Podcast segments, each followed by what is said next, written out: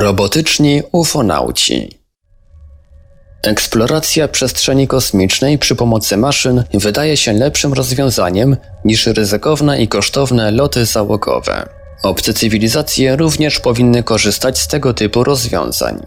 Według niektórych opinii, ich wiedza na temat robotyki może znacznie wykraczać poza nasze wyobrażenia. Choć mówi się o tym niewiele, historia ufologii zna wiele dziwnych przypadków spotkań z robotycznymi ufonautami. Kiedy w 1920 roku Karel Czapek pisał sztukę RUR, roboty uniwersalne Rossuma, nie zdawał sobie raczej sprawy, że zmienia panującą od niepamiętnych czasów koncepcję bycia żywym. Spopularyzował również słowo robot, jeden z niezbędników science fiction. Niedługo po wystawieniu RUR na scenie, francuski reżyser André Dide stworzył jeden z pierwszych filmów o robotach. L'Uomo Meccanico, czyli Mechaniczny Człowiek z 1921 roku, w którym pojawia się ogromna humanoidalna maszyna stworzona do celów kryminalnych. Już wówczas zdawano sobie sprawę z problemu, że mechaniczni ludzie, choć pozbawieni emocji, mogą służyć czynieniu dobra, ale i zła. Rzadkie sprawy. W artykule dla magazynu Saga UFO Report z 1975 roku Otto Binder pisze Roboty to raczej rzadka kategoria w spotkaniach z ufonautami, ale taka, której nie wolno ignorować. Świadkowie często twierdzili, że były to twory o mechanicznych ruchach i kanciastym wyglądzie, nietypowym dla istot żywych. Możemy logicznie założyć, że istoty z innych planet nie wysyłają na Ziemię swych żywych emisariuszy, ale używają robotów, tak jak Rosjanie badający Księżyc. Wydaje się jednak, że mogli oni dojść do perfekcji w tworzeniu instrumentów obserwacyjnych w postaci żywych sond. Relacje o spotkaniach z pasażerami obiektów UFO z lat 60. i 70. zawierają częste wzmianki o mechanicznych istotach. Wydawało się całkiem logiczne, że obcy, podobnie jak my, wysyłają w kosmos swoje sztuczne sondy. Z tego powodu w literaturze na temat latających spotków często pojawiał się termin robotyczny ufonauta. Czy jeden z nich we wrześniu 1967 roku odwiedził Avon w stanie Connecticut? Tamtejsza policja otrzymała zgłoszenie o robocie w lśniącym kombinezonie widzianym w pobliżu góry Talcott. Postać zachowywała się bardzo nietypowo, starając się zatrzymywać samochody na drodze numer 44. Świadkowie relacjonowali, że posiadała rodzaj kasku zasłaniającego głowę i wykonywała sztuczne, sztywne ruchy. Kiedy funkcjonariusze dotarli na miejsce, nie znaleźli jednak nikogo dziwnego. W lutym 1981 roku Luis Dominguez, właściciel niewielkiej firmy spożywczej w miejscowości Fuenteken w Hiszpanii, był świadkiem wydarzenia, które utwierdziło go w przekonaniu, że jego rodzinne strony mógł odwiedzić nieznanego pochodzenia mechanizm. 13 lutego, między drugą a trzecią w nocy, Dominguez zamknął lokal i wsiadł w samochód. Podczas drogi do domu jego uwagę zwróciły czerwone światła. Zaciekawiony zatrzymał się, myśląc, że nakrył złodziei na gorącym uczynku. Stało się jednak coś dziwnego. Światła uniosły się do góry i wykonały nagły skręt w lewo, po czym wylądowały w innym miejscu. Mężczyzna poczuł ciarki na plecach i postanowił pośpieszyć do domu, skąd wraz z żoną i synem dalej obserwował światła, które jak się zdawało zaczęły falować. Najdziwniejszy był jednak słup białego światła, który wystrzeliwszy z okolicy dwóch czerwonych punktów, oświetlił domy w Fuenteken niczym wielka lampa. Dominguez usłyszał wówczas ujadanie satana, swojego psa, który wyczuł coś w rogu ich posesji. Mężczyzna dostrzegł wkrótce, że to bryła w kształcie pudła, przypominająca pralkę lub lodówkę, wystająca kilka centymetrów ponad siatkę. Niestety zniknęła, gdy właściciel posesji, w przypływie odwagi, wyszedł na ganek z latarką. Pan Benitez, któremu Dominguez opisywał ten przypadek, odnotował pewien ciekawy aspekt.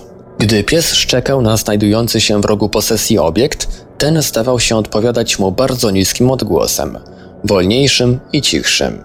Wiem, że brzmi to śmiesznie, ale przysięgam, że to prawda. Mieliśmy wrażenie, że to coś imituje odgłos psa, mówił świadek. Następnego dnia, po powrocie ze szkoły, Jose Francisco Dominguez w wielkim uniesieniu poinformował ojca, że w miejscu, gdzie obserwowane były czerwone światełka, znajduje się połać wysuszonej trawy o powierzchni około 5 metrów kwadratowych. Zainteresowanie prasy wywołało reakcję władz i badania radioaktywności, które jednak nie wykazały żadnych anomalii. Willie Rodriguez uwielbiał wędkować. Jego upatrzone miejsce znajdowało się na brzegu rzeki Esla, niedaleko klasztoru Santa Maria de Moreruela w hiszpańskiej prowincji Zamora. Wczesnym wiosennym rankiem w 1974 roku Rodriguez usłyszał nerwowe szczekanie towarzyszących mu na wyprawie psów. Uciszywszy je, aby nie płoszyły ryb, mężczyzna ujrzał po chwili dziwaczną postać o wzroście wynoszącym około 1,80 m. Jej ręce ściśle przylegały do ciała, niczym u żołnierza, podkreślił świadek. W promieniach słońca istota wyglądała jak odlana ze srebra. Przerażony mężczyzna postanowił poszuć ją psami, jednak twór szybko poszybował nad pobliskie wzgórze i zniknął. Przepytywany o szczegóły swojego bliskiego spotkania Rodriguez oświadczył, że to co widział nie było człowiekiem. Było sztuczne. Wydaje mi się, że to był robot, powiedział w wywiadzie dla programu Quarto Milenio. Antonio Ribera poczynił ciekawą uwagę o naturze potencjalnych mechanicznych wysłanników obcych. Nie możemy wykluczyć hipotezy o istnieniu biologicznych robotów stworzonych przez zaawansowaną naukę. Podobne twory nie wyglądałyby jak toporne maszyny z dzieł science fiction, pełne nitów, śrub i elektroniki. Byłyby to raczej istoty żyjące. Prostokąt i pani X 19 sierpnia 1972 roku nauczycielka pani X biwakowała na łonie przyrody niedaleko Saint-Jean-de-Gore na południu Francji w ogrodzie należącym do swojego przyjaciela, skąd rozciągał się widok na miasto i okalające je wzgórza. Około drugiej w nocy, zbudzona odgłosami miejskiego festynu, kobieta opuściła namiot. Po chwili zauważyła dziwne światło wielkości samochodu, które unosiło się nad parkingiem umieszczonym na jednym ze wzgórz. Z rozmyślań nad tym, co mogło spowodować ten dziwny widok, wybił ją odgłos kroków. Jak powiedziała potem ufologowi Jean-Paulowi Gauguin, dźwięk ten przypominał odgłos dziecka idącego po suchych liściach. Odwróciwszy się, kobieta ujrzała ciemną bryłę rodzaj prostokąta zwieńczonego owalną główką, który stał 3 metry dalej. Zdawało mi się, jakby był zrobiony z grubej na 30 cm deski, mówiła kobieta. Był to równoległościan, a w miejscu, gdzie powinny znajdować się oczy, miał dwa kółka o średnicy około 5 cm, które były jedynym widocznym elementem owej czarnej masy. Nie widziałam u tego nóg, bo zakrywała je wysoka trawa. Pani X twierdziła, że poczuła śmiertelne przerażenie, ale miała wrażenie, że jest ono jej narzucone w wyniku jakiegoś oddziaływania. Kolejnym ciekawym aspektem była martwota otoczenia w chwili bliskiego spotkania. Wszystko wokół ucichło i wydawało się nieruchome. Kobieta zdołała jednak dobiec do namiotu, gdzie spał jej mąż, który zeznał potem, że widział żonę skrzywioną przez strach, opowiadającą o wstrętnej, strasznej rzeczy na zewnątrz namiotu. Zapytany dlaczego nie wyszedł zobaczyć co to, przyznał, że uleciała z niego odwaga. Geometryczni ufonauci polubili Francję. W 1976 roku Jean Doleski jechał pick-upem po wiejskiej drodze w Saint-Jean-de-Rouen w prowincji Saintonge, gdy nagle zmierzch rozjaśnił błysk światła. Mężczyzna nie zwrócił jednak na to uwagi, spiesząc do domu.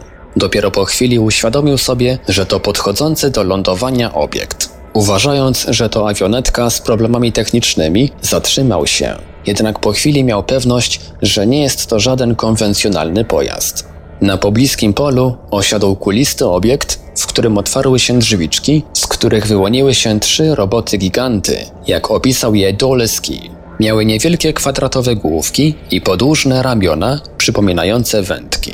Po dziesięciominutowym pobycie na polu wsiadły z powrotem do pojazdu, który oddalił się z zawrotną prędkością. W artykule dla Flying Saucer Review pod tytułem Wzorzec lądowań UFO Jacques Vallée wspomina interesujący przypadek spotkania z czymś, co przypominało cyborga. 20 października 1954 roku anonimowy mieszkaniec Paravicino d'Erba, niedaleko Como we Włoszech, ujrzał dziwną istotę w srebrnym kombinezonie, która stała niedaleko drzewa. Trzymaną w rękach latarką wywołała u niego paraliż, z którego świadek wyrwał się ściskając dłonie. Gdy istota to zauważyła, wzbiła się w powietrze, wywołując wibrujący odgłos. Dolna część jej ciała okazała się mieć lejkowaty kształt, zakończony okrągłą platformą o średnicy takiej samej jak koła od roweru. Na ziemi pozostała tłusta plama, której zdjęcie zrobiły miejscowe władze.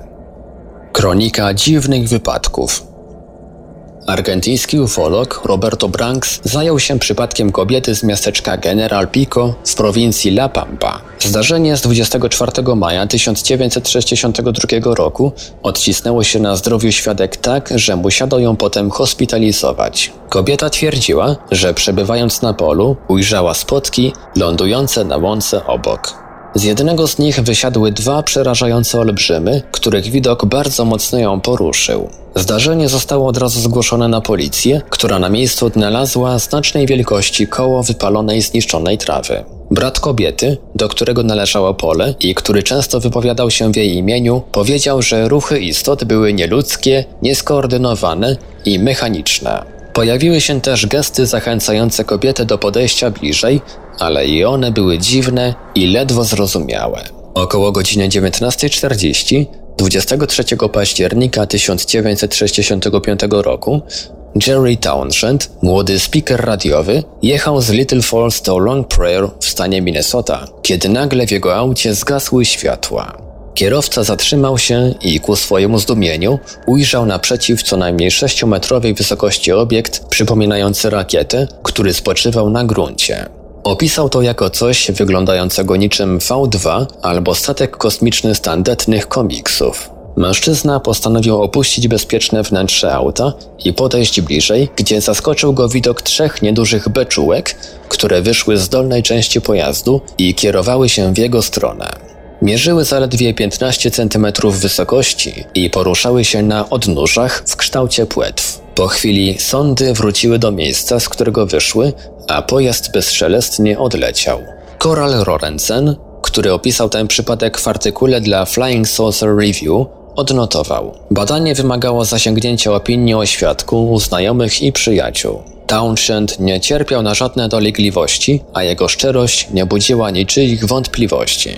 Miejscowy szeryf i funkcjonariusze policji widzieli na asfalcie w miejscu bliskiego spotkania trzy równoległe pasy oleistej substancji, oddalone od siebie o około 10 cm i długie na metr. Niespodziewanym potwierdzeniem relacji młodego człowieka były słowa dwóch myśliwych, którzy obserwowali obiekt wznoszący się z miejsca, gdzie widziane były pełzające sądy. 4 czerwca 1972 roku sześciu młodych Australijczyków wyruszyło do Benz Basin w Wallacea w Nowej Południowej Walii, jednak samochód, którym mieli jechać, nie chciał odpalić. Po chwili zdali sobie sprawę, że na nieodległym wzgórzu spoczywa czerwony obiekt w kształcie dysku, który emituje pulsujące światło. Jego błyski i dziwne brzęczenie sprawiły, że świadkom zrobiło się niedobrze. Dwójka, która poszła szukać pomocy, natrafiła po drodze na gigantyczny cień. Skrywszy się w trawie, świadkowie obserwowali ponad dwumetrową postać, która przypominała srebrzystego robota i unosiła się nad ziemią.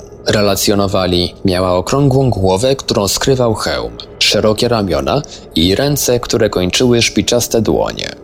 Po chwili twór jakby rozpłynął się w powietrzu. Czy był to rodzaj projekcji z niezidentyfikowanego obiektu? Wydaje się, że obce cywilizacje również powinny korzystać z sąd kosmicznych, będących bogatym i efektywnym narzędziem do zdobywania informacji naukowych o przestrzeni kosmicznej i obcych światach. Są one znacznie praktyczniejsze niż załogowe misje, podczas których można natknąć się na wiele niebezpieczeństw. Przypadki spotkań z UFO zawierają wiele intrygujących relacji ludzi, którzy zetknęli się z istotami pod wieloma względami przypominającymi maszyny. Niestety trudno odpowiedzieć na pytanie, czy byli to rzeczywiście mechaniczni emisariusze z innych planet. Autor Scott Corrales Źródło Inexplicata Journal of Hispanic Ufology. Tłumaczenie i opracowanie Portal Infra. www.infra.org.pl Czytał Ivelios